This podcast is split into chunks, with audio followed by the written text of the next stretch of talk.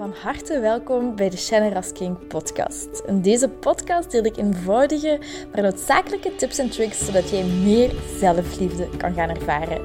Want guess what? Je zit het fucking waard om van gehouden te worden. Ik heb er heel veel zin in en ik hoop jij ook. bye bye.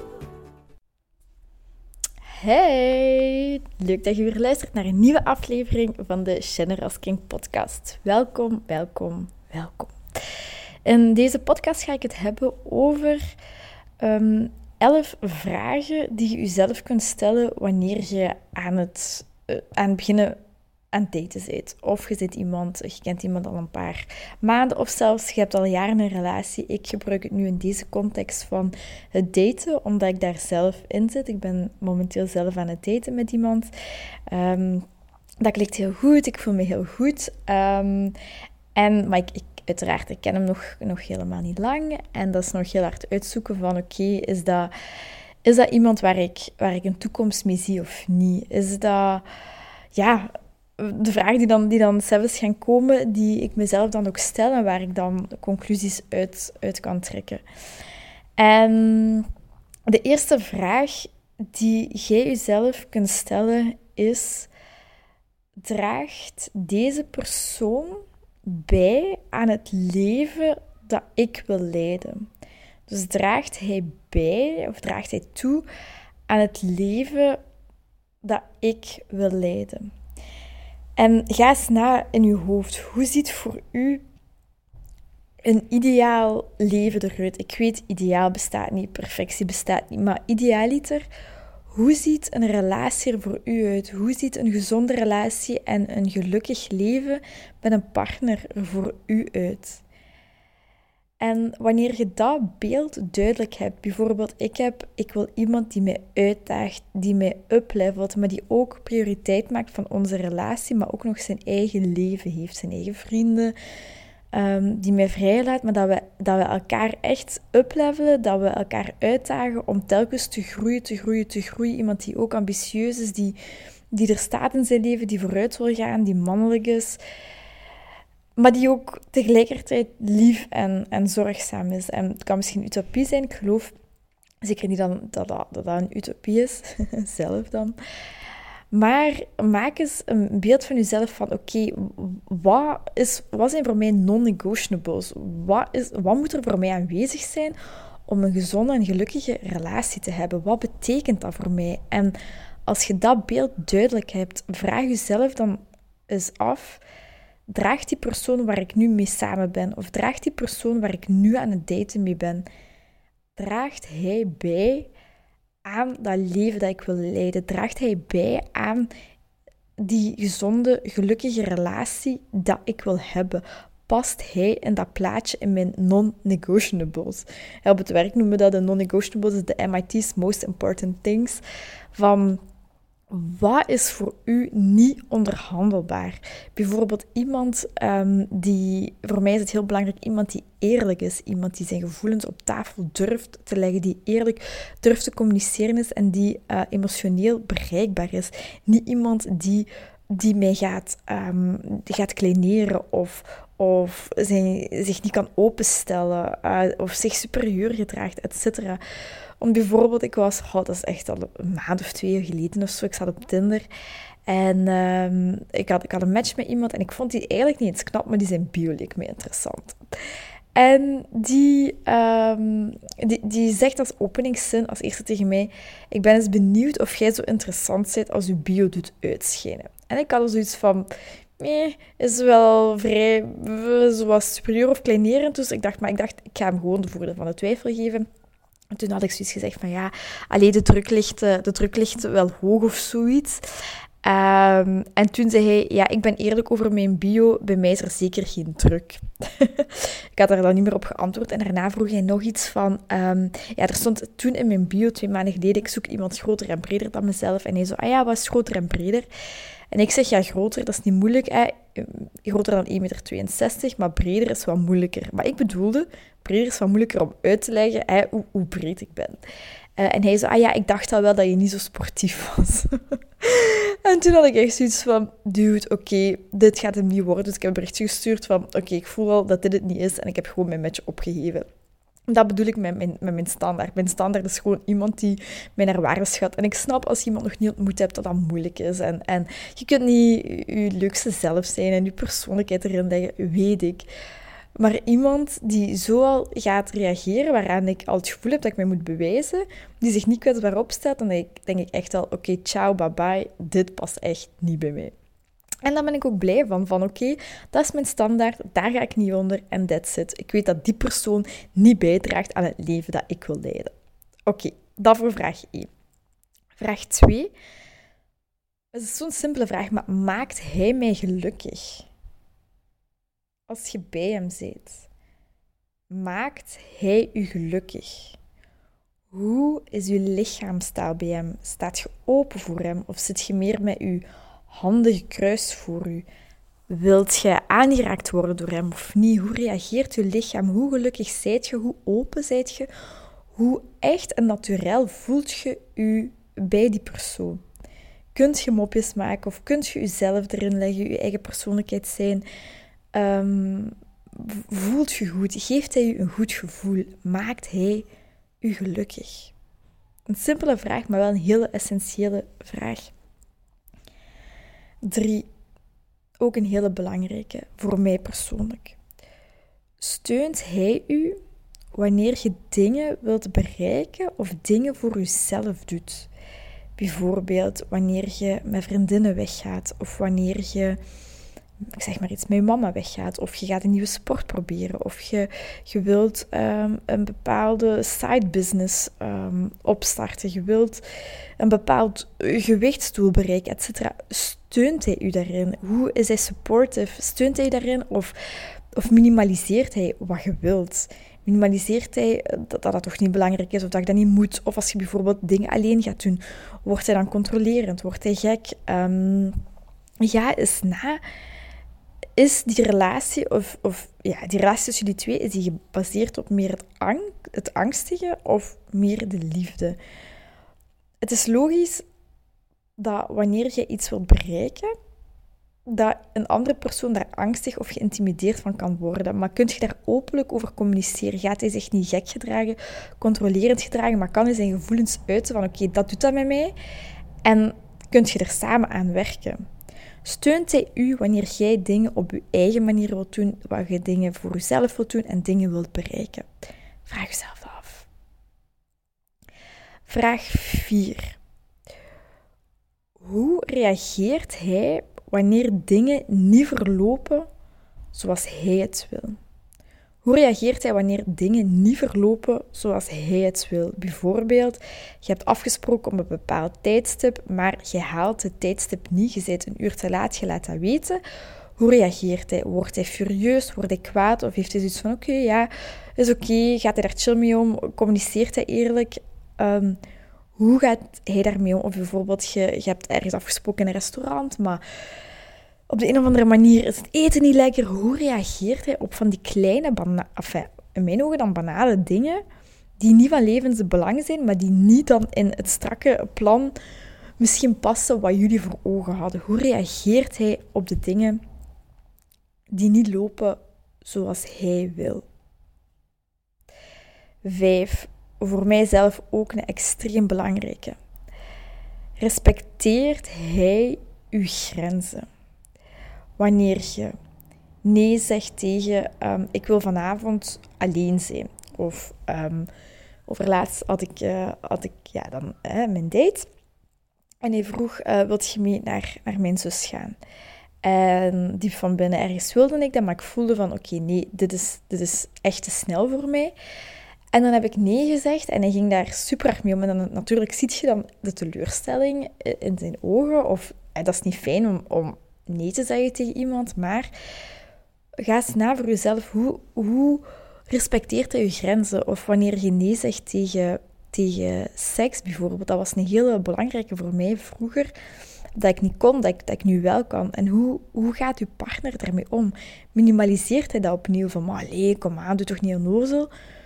Of respecteert hij je grenzen zonder zonder ehm, dat in vraag te stellen. En het kan heel goed zijn als je grenzen stelt, dat die andere persoon het daar moeilijk mee heeft. En dat is ook oké dat die andere persoon daar moeilijk mee heeft. Je hebt daar ook respect voor hoe, hoe die persoon op je grens reageert. Maar het is heel belangrijk dat die persoon je grens respecteert. Natuurlijk is het even belangrijk om zelf um, je grens te voelen, weten, goed bij jezelf weten, oké, wat wil ik, wat wil ik niet. Um, dus dat was vraag 5. Respecteert hij uw grenzen? Vraag 6, ook een belangrijke. Ja, ze zijn allemaal belangrijk. zijn er red flags? En zo ja, welke? Ervaart je momenteel al red flags die je misschien liever niet wilt zien? Want zoals ik ook in mijn vorige podcast zei, wanneer je iemand nog maar net kent, hè, je, je, je ja, je kent nog niet heel zijn persoonlijkheid, nog niet heel zijn karakter. Waardoor je dan dingen gaat invullen van zijn karakter, wat je graag zou zien. Bijvoorbeeld, ik heb graag iemand die, um, die ook veel interesse in mij toont. En wanneer je dat nog niet weet van, van iemand, is het heel gemakkelijk om dat in te gaan vullen en om de red flags te gaan negeren. Maar stel jezelf eens de vraag: zijn er al red flags die ik heb gezien en zo ja, welke? Of bijvoorbeeld, dat, dat hoort daarbij moest uw familie deze persoon zien. En zij zouden die zien samen met u. Wat zou, wat zou uw familie of wat zouden uw beste vriendinnen zeggen? Mensen die het echt oprecht goed met u voor hebben. En niet gewoon zomaar iemand, maar mensen die je goed kennen. Wat zouden zij zeggen over, over hem? Wat zouden zij zeggen dat eventuele red flags zijn of, of dat die persoon wel of niet bij u past? Dan vraag 7. Hoe spreekt hij over of tegen andere vrouwen? Hoe spreekt hij over of tegen andere vrouwen? Ik heb vaak in het verleden bijvoorbeeld meegemaakt dat ik op restaurants ging met uh, die persoon uh, die narcistisch was, waar ik drie jaar een relatie mee heb gehad. Die, die vond het heel fijn om mensen heel ongemakkelijk te maken en om continu over alleen vrouwen en, en ja, ook mannen, hun grenzen heen te gaan. En die kon heel kleinerend spreken over, over bijvoorbeeld mensen die, die, die dikker waren. Of oh, gewoon over, over alles en iedereen. Die, die was onvriendelijk tegen de serveerster. Uh, noem maar op. En tegen mij natuurlijk was hij in het begin helemaal niet zo. Maar daaraan merk je al hoe gaat hij ook bij u zijn? Hoe gaat hij over u spreken? Hoe gaat hij tegen u spreken? En hoe gaat hij zich gedragen tegenover u?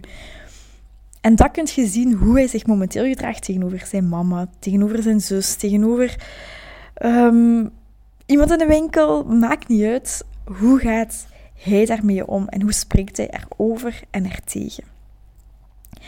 Vraag 8. Ziet je uzelf met hem oud worden? Ziet je jezelf met hem oud worden? En voor mij is, is dat een, zo een tricky vraag, omdat ik dat oprecht wel kan, kan zien. Oké, ik zie mezelf oud worden met hem, maar tegelijkertijd koppel ik, koppel ik dat ietsje dichter. In die zin, dat is dan vraag 9 eigenlijk.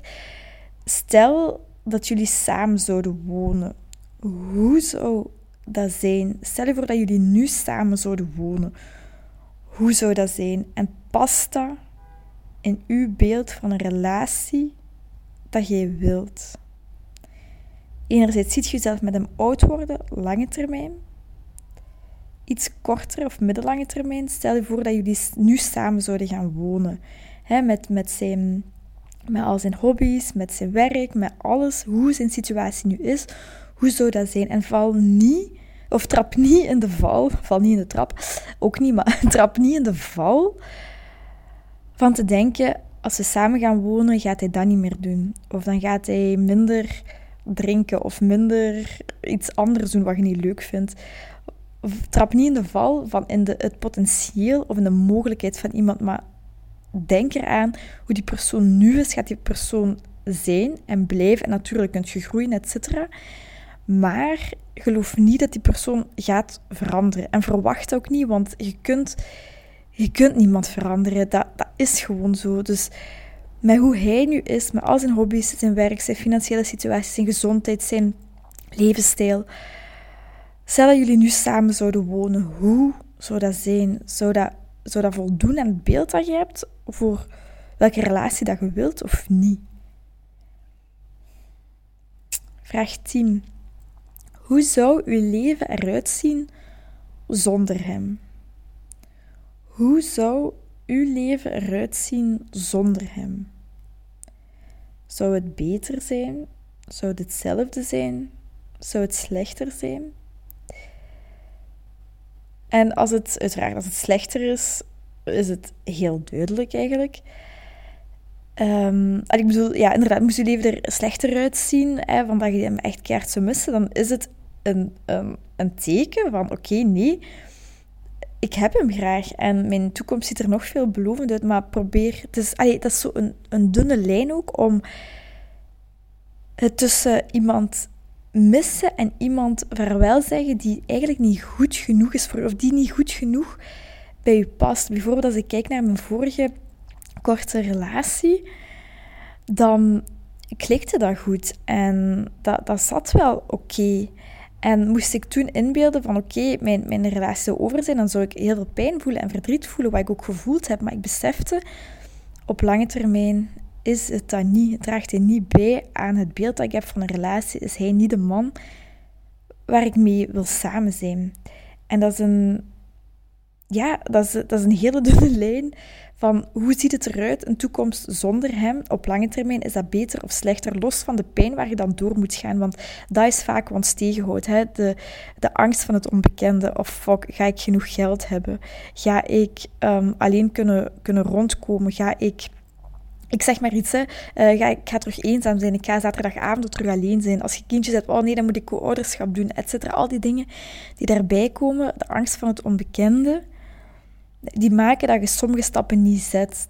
Die maken dat je settelt voor ja, average of gemiddeld en niet voor wat je eigenlijk waard bent en helemaal verdient.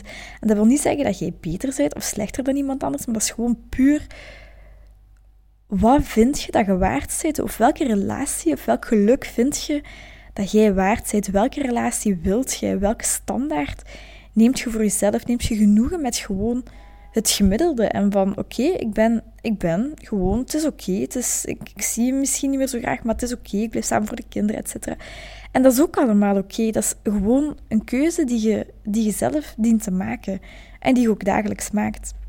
Dus inderdaad, hoe zou uw leven eruit zien zonder hem? En vraag 11 is: maakt hij van u of van de relatie een prioriteit? In die zin dat hij, um, hij kan zijn eigen leven hebben, werk hebben, uh, zijn eigen hobby's, whatever. Maar wanneer het er doet, maakt hij prioriteit van de relatie. Hebben jullie dezelfde behoefte aan uh, tijd spenderen met elkaar. Als jullie samen zijn, is hij bewust bij u? Is hij, uh, of zit hij continu op zijn gsm? Of luistert hij naar u wanneer je iets vertelt of wanneer je verdrietig bent of weet ik veel? Maakt hij van u en van jullie relatie een prioriteit? Maakt hij dat belangrijker dan, dan ik zeg maar iets, zijn werk, zijn hobby's, zijn vrienden? En ik blijf erbij, ik, ik ook, ik, blijf mijn familie prioriteit hetzelfde prioriteit maak, mijn vriendinnen, uh, et cetera. Maar mijn relatie staat, als ik in relatie zit, staat dat op nummer één. En mijn andere, zoals ik zeg, familie, vrienden, um, job, etc., dat blijft zo'n belangrijke prioriteit. Maar wanneer het er doet, vind ik het heel belangrijk om met volle procent aanwezig te zijn bij die persoon, dat quality time echt quality time is, dat je van elkaar kunt, letterlijk kunt genieten en bij elkaar zijn. En niet continu op je gsm moet zitten um, of, of moet drinken om elkaar, uh, om elkaar beter te begrijpen of om fun te hebben. Dus voilà, zie. Dat zijn zo wat mijn elf vragen die ik, uh, die, ik mezelf nu wel dagelijks stel. Van, uh, oké, gaat het de goede richting op of niet? En dat neemt sommige twijfels weg. Dat brengt sommige twijfels terug. Maar ik weet dat um, dit mij wel veel helderheid geeft. Ik hoop dat dit u ook helderheid kan geven. Dat je er iets aan gehad hebt. Laat het zeker weten. Uh, stuur me een berichtje op Instagram. Dank jullie wel trouwens allemaal voor die berichtjes. Um, en dan hoor ik het wel of dan zie ik het wel verschijnen. Heel, heel, heel veel lief zoals altijd. Een hele dikke zoen. En geniet van, ah ja, nu is het momenteel een hele mooie dag. Het is super zonnig, dus hopelijk kunt je ook nog uh, van deze dag genieten. Of avond, of ochtend, of middag, wanneer je het ook luistert. Liefs, liefs, liefs. Heel erg bedankt om deze aflevering van de Generous King podcast te beluisteren. Mijn doel is om zoveel mogelijk liefde in de wereld te brengen en ik hoop dat je dat met dit een beetje gevoeld hebt. Um, als je dat gevoeld hebt, stuur me een DM, tag me in je story dat je dit geluisterd hebt en ik zie heel graag je reactie tegemoet komen. Ik wens je heel veel liefs en nog heel veel liefde en plezier toe.